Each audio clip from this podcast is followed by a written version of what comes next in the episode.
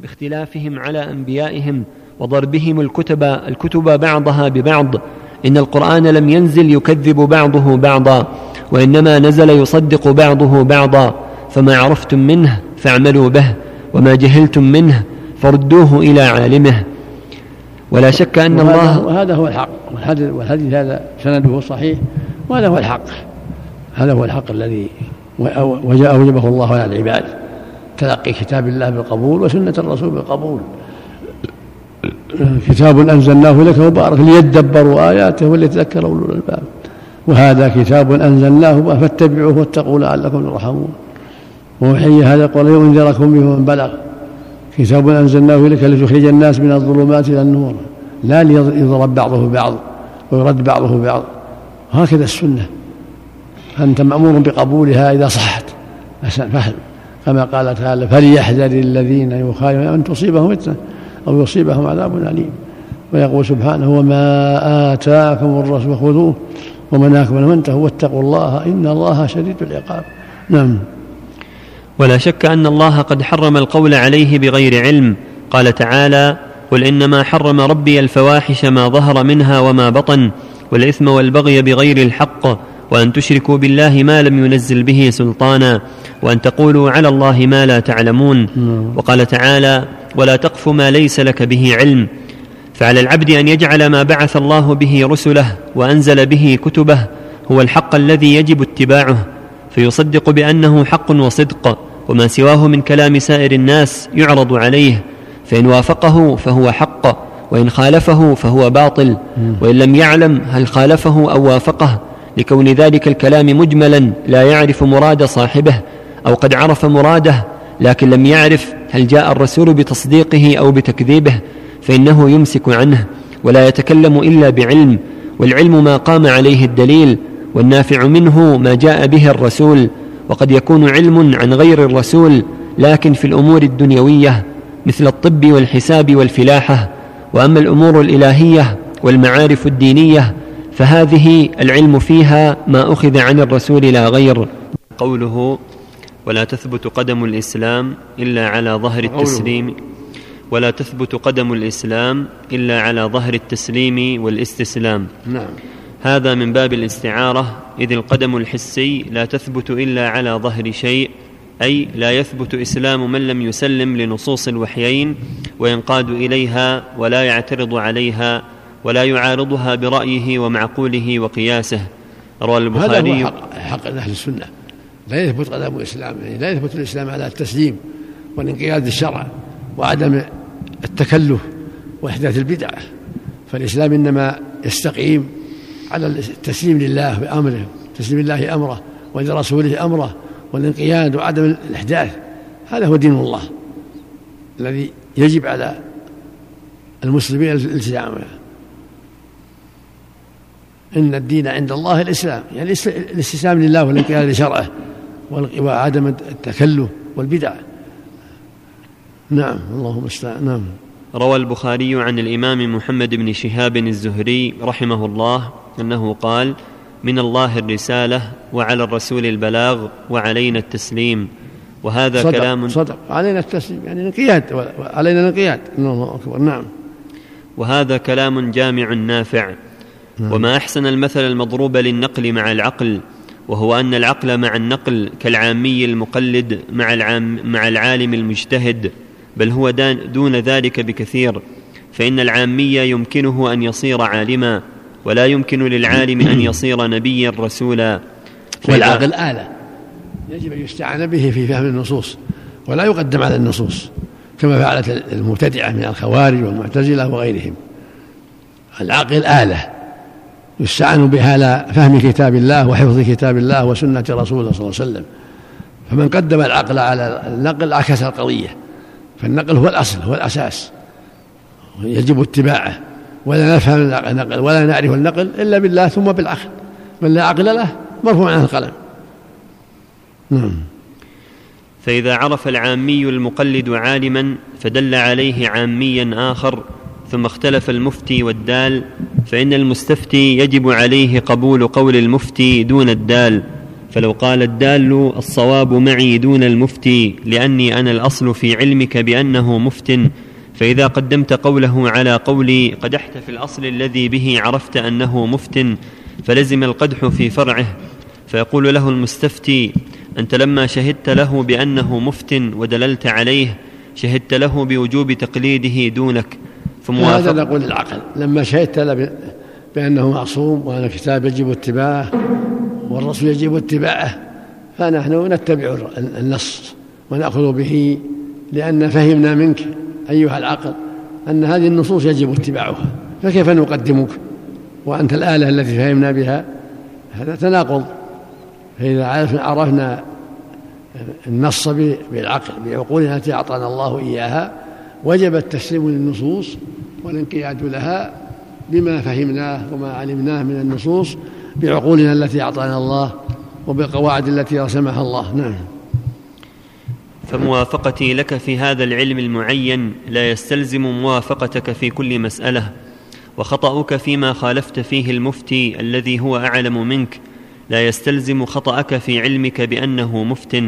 هذا مع علمه أن ذلك المفتي قد يخطئ. والعقل يعلم أن الرسول صلى الله عليه وسلم معصوم في خبره عن الله تعالى لا يجوز عليه الخطأ فيجب عليه التسليم له والانقياد لأمره.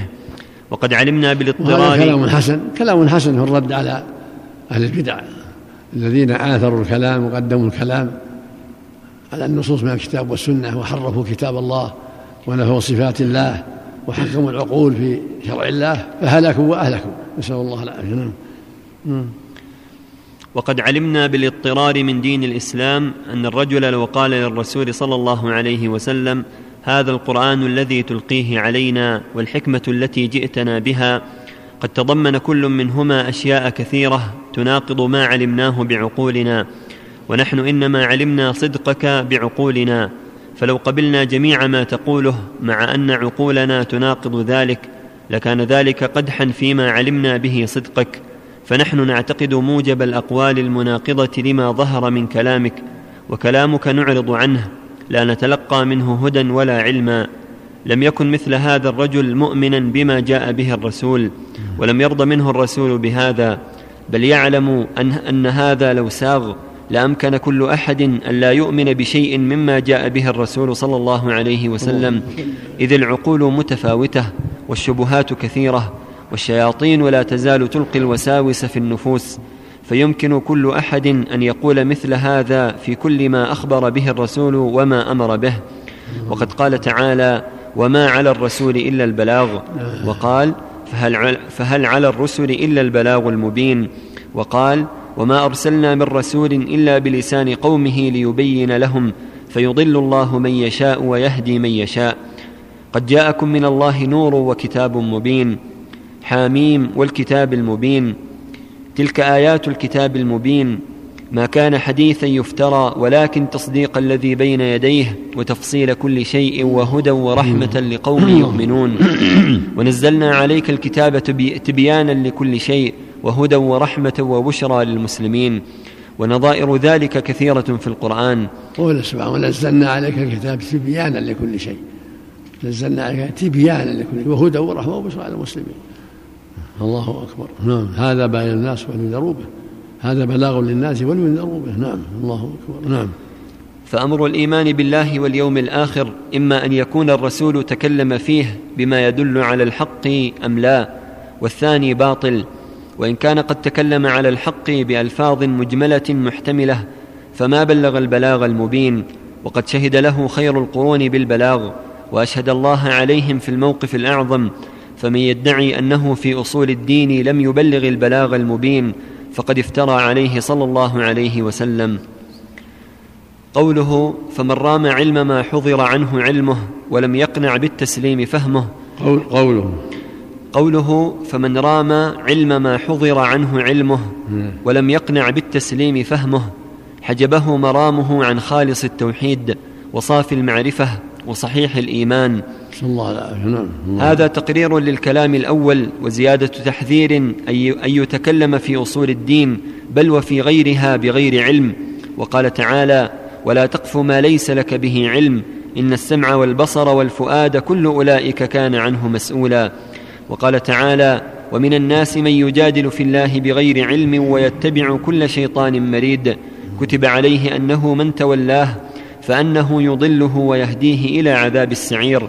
وقال تعالى ومن الناس من يجادل في الله بغير علم ولا هدى ولا كتاب منير ثاني عطفه ليضل عن سبيل الله له في الدنيا خزي ونذيقه يوم القيامة عذاب الحريق وقال تعالى ومن أضل ممن اتبع هواه بغير هدى من الله إن الله لا يهدي القوم الظالمين وقال تعالى إن يتبعون إلا الظن وما تهوى الأنفس ولقد جاءهم من ربهم الهدى إلى غير ذلك من الآيات الدالة على هذا المعنى.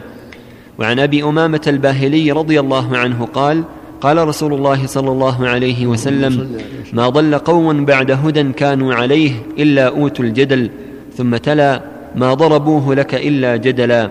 رواه الترمذي وقال حديث حسن.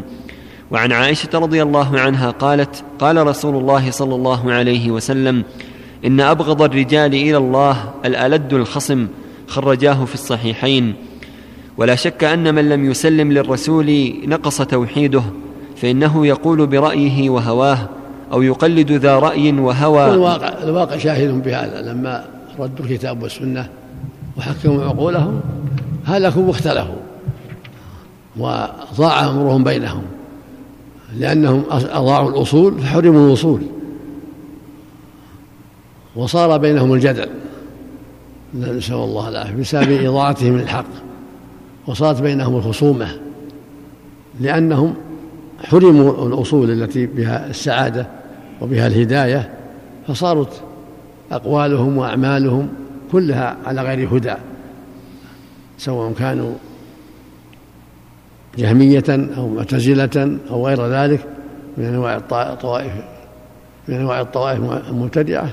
كلهم لما ضيعوا الأصول حرموا الوصول إلى الخير وصارت وصار بأسهم بينهم وأضروا بالمسلمين وشبهوا عليهم ولم يسلم من شرهم إلا من اعتصم بالكتاب والسنة ودان بهما ورجع إليهما وحكمهما كأهل السنة والجماعة من أصحاب النبي صلى الله عليه وسلم ومن بعدهم.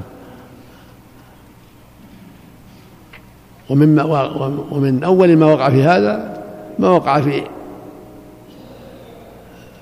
الخلاف في مقتل عثمان وما جرى بين علي ومعاوية كله بأسباب التشبيه والبدع واختلاف العقول والعدول عن النصوص حتى وقع ما وقع من الكوارث الكثيرة ثم جاءت الكوارث الأخرى. نعم اللهم استعان. نعم. ولا شك أن من لم يسلم للرسول صلى الله عليه وسلم نقص توحيده فإنه يقول برأيه وهواه أو يقلد ذا رأي وهوى بغير هدى من الله فينقص من توحيده بقدر خروجه عما جاء به الرسول صلى الله عليه وسلم فإنه قد اتخذ في ذلك الها غير الله. قال تعالى أفرأيت من اتخذ إلهه هواه؟ أي عبد ما تهواه نفسه؟ وإنما دخل الفساد في العالم من ثلاث فرق كما قال عبد الله بن وإنما وإنما دخل الفساد في العالم من ثلاث فرق كما قال عبد الله بن المبارك رحمة الله عليه رأيت الذنوب تميت القلوب وقد يورث الذل إدمانها وترك الذنوب حياة القلوب وخير لنفسك عصيانها وهل أفسد الدين إلا الملوك وأحبار سوء ورهبانها؟ فالملوك الجائرة يعترضون على الشريعة بالسياسات الجائرة ويعارضونها بها ويقدمونها على حكم الله ورسوله. وأحبار السوء وهم العلماء الخارجون عن الشريعة بآرائهم وأقيستهم الفاسدة المتضمنة تحليل ما حرم الله ورسوله وتحريم ما أباحه واعتبار ما ألغاه وإلغاء ما اعتبره وإطلاق ما قيده وتقييد ما أطلقه ونحو ذلك. والرهبان وهم جهال المتصوفة المعترضون على حقائق الإيمان والشرع بالأذواق والمواجيد والخيالات والكشوفات الباطلة الشيطانية المتضمنة شرع دين لم يأذن به الله وإبطال دينه الذي شرعه على لسان نبيه صلى الله عليه وسلم والتعوض عن حقائق الإيمان بخدع الشيطان وحظوظ النفس. فقال الأولون إذا تعارضت السياسة والشرع قدمنا السياسة. وقال الآخرون إذا تعارض العقل والنقل قدمنا العقل. وقال أصحاب الذوق إذا تعارض الذوق والكشف وظاهر الشرع قدمنا الذوق والكشف. هذا من جهلهم وضلالهم نسال الله. وبهذا هلكوا واهلكوا نسأل الله العافية. وإنما الواجب إذا تخالف إذا خالف اختلف العقل والنقل. الرد إلى النقل فإن تنازعتم في شيء فردوه إلى الله والرسول. لأن العقول ضعيفة يعتريها الذهول والنقص. والانحراف ولهذا يقول جل وعلا فإن تنازعتم في شيء فردوه إلى الله والرسول ويقول جل وعلا وما اختلفتم فيه من شيء فحكمه إلى الله. ويقول وما آتاكم الرسول فخذوه وما نهاكم عنه فانتهوا.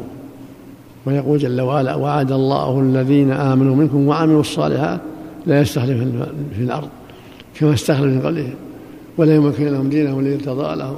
ولا يبدلنهم من بعد خوفهم امنا يعبدونني لا يشركون شيئا ومن كان بعد ذلك فأولئك هم الفاسقون. نعم الله المستعان. نعم. ومن كلام أبي حامد الغزالي رحمه الله تعالى في كتابه الذي سماه إحياء علوم الدين. ومن كلامه ومن كلام أبي حامد الغزالي رحمه نعم. الله تعالى نعم. في كتابه الذي سماه إحياء علوم الدين. نعم. وهو من أجل كتبه أو أجلها فإن قلت فعلم الجدل والكلام مذموم. هذا الكتاب فيه أخطاء أغلاط. في علوم الدين الغزالي فيه أخطاء وفيها أغلاط. وإن كان فيها أشياء طيبة لكن فيها أغلاط وفيه مخالفة لرأي أهل السنة والجماعة في أشياء كثيرة. نعم. ولكنه في آخر حياته. يقال أظهر التوبة والندم على ما أودع فيه من الأخطاء. والله يعفو عنا وعن كل مسلم. نعم. اللهم المستعان نعم. فإن قلت فعلم الجدل والكلام مذموم كعلم النجوم أو هو مباح أو مندوب إليه. فإن قلت. فإن قلت فعلم الجدل والكلام مذموم كعلم النجوم أو هو مباح أو مندوب إليه. فاعلم أن للناس في هذا غلوا وإسرافا في أطراف. فمن قائل إنه بدعة وحرام وإن العبد أن يلقى الله بكل ذنب سوى الشرك خير له من أن يلقاه بالكلام.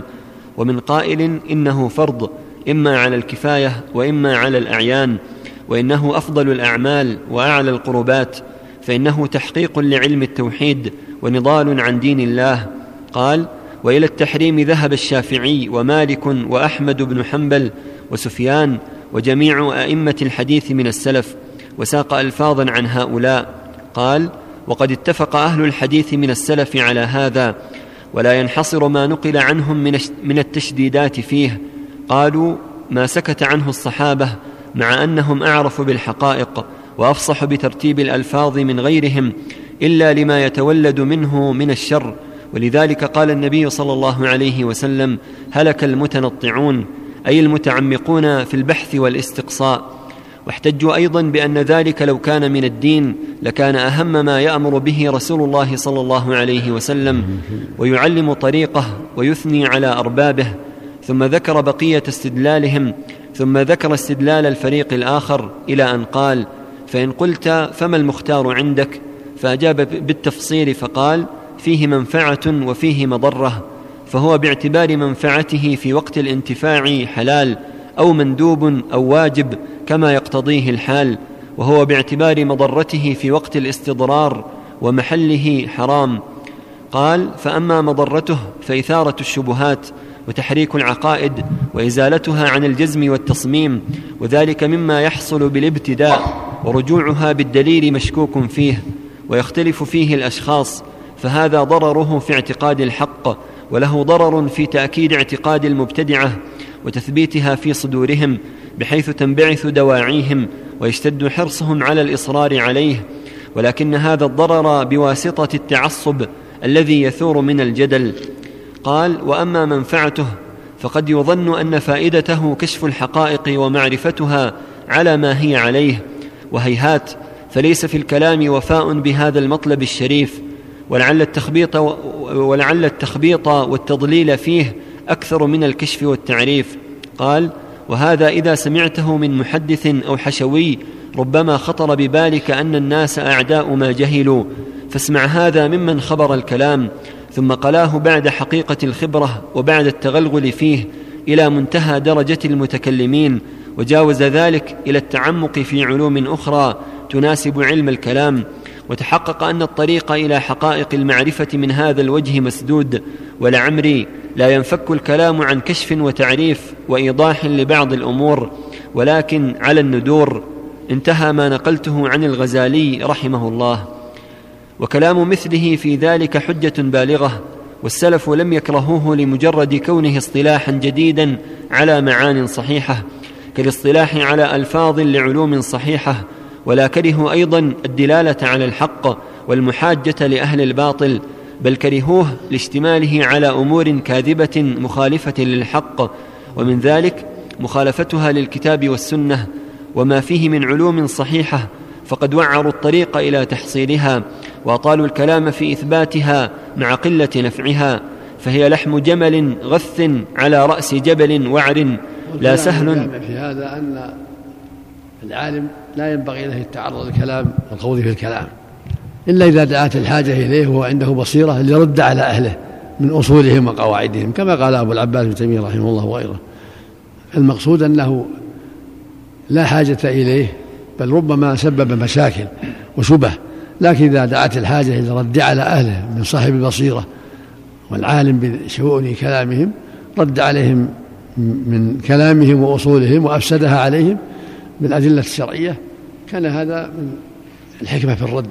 ومن إقناعهم بما يعتقدون أنه حجة عليهم. فينقض أصولهم ويبين بطلان قواعدهم من أسسها مع بيان الأدلة الشرعية التي اقتضت ذلك.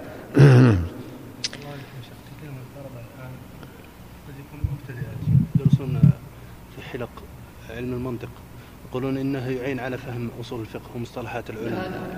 قد يدرس من بعض القواعد للرد عليهم لأن فيه بعض الأشياء التي لخصت منه في قواعد المنطق لأهل العلم والبصيرة الذين قد يردون عليهم شبهاتهم وإلا فالأصل تركه. أصل تركه والتمسك بالكتاب والسنة. لكن إذا دعت الحاجة إلى إنسان ابتلي بهم في بلاده ورزقه الله أهل السنة وتخرج عليهم حتى يرد عليهم شبههم بما عندهم أيضا زيادة. مثل ما نبه عليه شيخ شيخ الإسلام في النقل والعقل. العقل والنقل. ما يرد عليهم بالسنة يا شيخ. يكفي الصريح المعقول لا يوافق لا يخالف صريح صحيح المنقول عند عند أهل العلم. ويرد عليهم من اصولهم وقواعدهم التي أصلوها. نعم.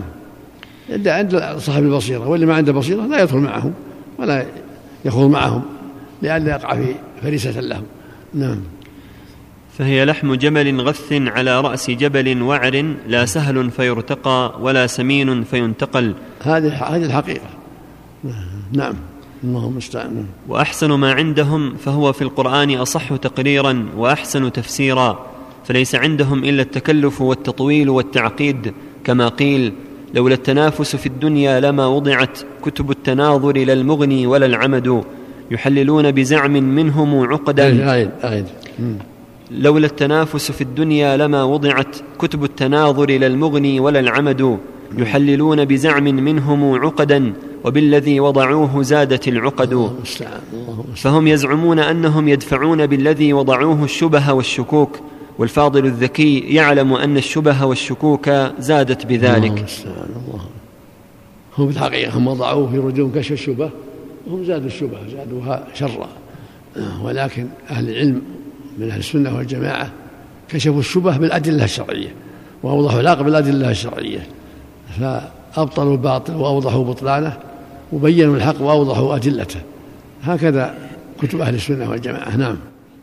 ومن المحال ألا يحصل الشفاء والهدى والعلم واليقين من كتاب الله وكلام رسوله ويحصل من كلام هؤلاء المتحيرين بل الواجب أن يجعل ما قاله الله ورسوله هو الأصل ويتدبر معناه ويعقله ويعرف برهانه ودليله. ومن المحال نعم. ومن المحال ألا يحصل الشفاء والهدى والعلم واليقين من كتاب الله وكلام رسوله. نعم. ويحصل من كلام هؤلاء المتحيرين. بل الواجب أن يجعل ما قاله الله ورسوله هو الأصل ويتدبر معناه ويعقله ويعرف برهانه ودليله إما العقلي وإما الخبري السمعي ويعرف دلالته على هذا وهذا ويجعل أقوال الناس التي توافقه وتخالفه متشابهة مجملة. فيقال لأصحابها هذه الألفاظ تحتمل كذا وكذا فإن أرادوا بها ما يوافق خبر الرسول قبل وإن أرادوا بها ما يخالفه رد. هذا هو الواجب. تحكيم الكتاب والسنة والأخذ بالدليل وما خالف ذلك من الآراء والاقتراحات وغير ذلك ينظر فيه ويفصل. فمن وافق الحق قبل وما لا فلا لأن آراء الرجال ولا سيما آراء المتكلمين واصطلاحاتهم فيها الحق والباطل فمن وافق الحق قبل وما خالفه رد على قائله. نعم. كما قال تعالى فإن تنازعتم من شيء فردوه إلى الله والرسول. قال وما اختلفتم فيه من شيء فحكمه إلى الله. نعم. وهذا مثل لفظ المركب والجسم والمتحيز والجوهر والجهة والحيز والعرض ونحو ذلك. فإن هذه الألفاظ لم تات في الكتاب والسنة بالمعنى الذي يريده أهل هذا الاصطلاح بل ولا في اللغة بل هم يختصون بالتعبير بها عن معان لم يعبر غيرهم عنها بها. فتفسر تلك المعاني بعبارات أخر وينظر ما دل عليه القرآن من الأدلة العقلية والسمعية. وإذا وقع الاستفسار والتفصيل تبين الحق من الباطل. مثال ذلك في التركيب فقد صار له معان أحدها التركيب من متباينين فأكثر ويسمى تركيب مزج كتركيب الحيوان من الطبائع الأربع والأعضاء ونحو ذلك. وهذا المعنى منفي عن الله سبحانه وتعالى ولا يلزم من وصف الله تعالى بالعلو ونحوه من صفات الكمال ولا, ولا يلزم من وصف الله تعالى بالعلو ونحوه من صفات الكمال أن يكون مركبا بهذا المعنى المذكور. الثاني تركيب الجوار كمصراعي الباب ونحو ذلك ولا يلزم أيضا من ثبوت من ثبوت صفاته تعالى إثبات هذا التركيب. الثالث التركيب من الأجزاء المتماثلة وتسمى الجواهر المفردة. الرابع التركيب من الهيولي والصورة كالخاتم مثلا هيولاه الفضة وصورته معروفة. وأهل الكلام قالوا إن الجسم يكون مركبا من الجواهر المفردة ولهم كلام في ذلك يطول ولا فائدة فيه وهو أنه هل يمكن التركيب من جزئين أو من أربعة أو من ستة أو من ثمانية أو ستة عشر؟ وليس هذا التركيب لازما لثبوت صفاته تعالى وعلوه على خلقه. والحق أن الجسم غير مركب من هذه الأشياء وإنما قولهم مجرد دعوى وهذا مبسوط في موضعه. الخامس التركيب من الذات والصفات. هذا سموه تركيبا لينفوا به صفات الرب تعالى وهذا اصطلاح منهم لا يعرف في اللغة ولا في استعمال الشارع فلسنا نوافقهم على هذه التسمية ولا كرامة. ولئن سموا إثبات الصفات تركيبا فنقول لهم العبرة للمعاني لا للألفاظ سموه ما شئتم فلا يترتب على التسمية بدون المعنى حكم. فلو اصطلح على تسمية اللبن خمرا لم يحرم بهذه التسمية. السادس التركيب من الماهية ووجودها. والمقصود من هذا أن الواجب تنزيه الله عن كل ما يشابه المخلوقين وأن الألفاظ المجملة المحتملة لا يجوز إطلاقها على الله عز وجل بل يجب أن يوصف الله بما وصف بنفسه ووصفه به رسول الله صلى الله عليه وسلم. أما ما يتعاطاه أصحاب الكلام من الإجمالات في الألفاظ هذا هو عين الباطل لأن الله جل وعلا منزه عن مشابهة خلقه في كل شيء ليس كمثله شيء وهو السميع البصير. والألفاظ لما جاء بها الشر يجب تركها والاستعمال ما جاء به الشرع من الألفاظ. فهو سبحانه وصف نفسه بالصفات التي تليق به ونزه عنه نفسه عن مشابهة المخلوقين فيجب أن يستعمل ما وصف به نفسه. نعم. السادس التركيب من الماهية ووجودها وهذا يفرضه الذهن أنهما غيران وأما في الخارج هل يمكن ذات مجردة وأما إذا قيل منزه عن الجسم أو عن حيز أو عن الجوهر أو عن كذا أو كذا هذا يفضي إلى التعطيل. لكن ينزه عن مشابهة المخلوقين. هو ذات قائمة بنفسها له الأسماء الحسنى وله الصفات العلى منزه عن جميع ما يختص به المخلوق. نعم.